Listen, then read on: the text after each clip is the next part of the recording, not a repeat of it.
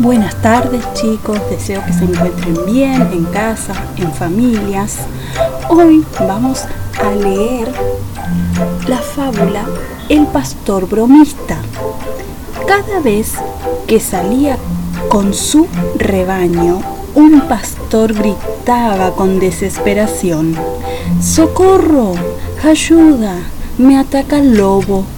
Al escucharlo, los otros pastores acudían en su ayuda, pero siempre era una falsa alarma y el pastor bromista se burlaba de ellos.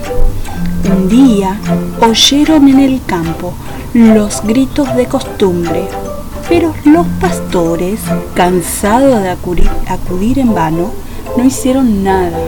Sin embargo, esta vez la desesperación era real. El lobo había aparecido y al no tener la ayuda de sus compañeros, el bromista acabó bajo las garras del animal. Moraleja.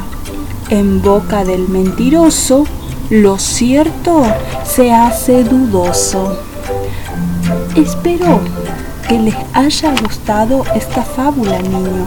Van a practicar la lectura. Hasta la próxima.